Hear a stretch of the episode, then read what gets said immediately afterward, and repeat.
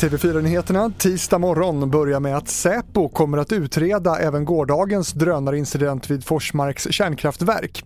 Polisen fick återigen rycka ut efter att personal larmat. På plats kunde de med egna ögon bevittna den senaste i raden av mystiska drönare. Och eh, de eh, bekräftar att det, att det faktiskt är då, ja, minst en drönare som har rört sig där uppe vid Forsmark. Det sa Jonas Eronen, presstalesperson på polisen. Riksdagens talman Andreas Norlén och riksdagspartiernas gruppledare har beslutat att återigen banta riksdagen på grund av smittspridning. Det innebär att max 249 ledamöter istället för de ordinarie 349 ska befinna sig i riksdagen samtidigt. Beslutet ska omprövas varje vecka. Och till sist till Stilla havet och Tonga som fortfarande är så gott som helt avskuret från omvärlden efter lördagens vulkanutbrott och den tsunami som följde. Minst två dödsfall har nu bekräftats och satellitbilder från området visar den enorma förödelsen.